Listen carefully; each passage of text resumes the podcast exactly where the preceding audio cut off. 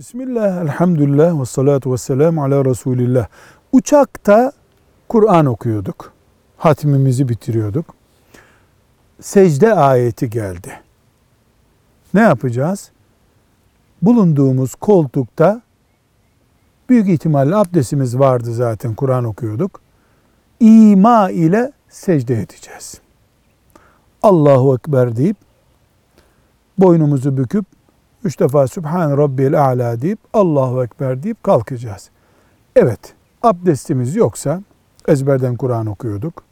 Abdestimiz yoksa o zaman uçaktan indikten sonra ilk abdest aldığımız yerde tilavet secdemizi yapacağız. Velhamdülillahi Rabbil Alemin.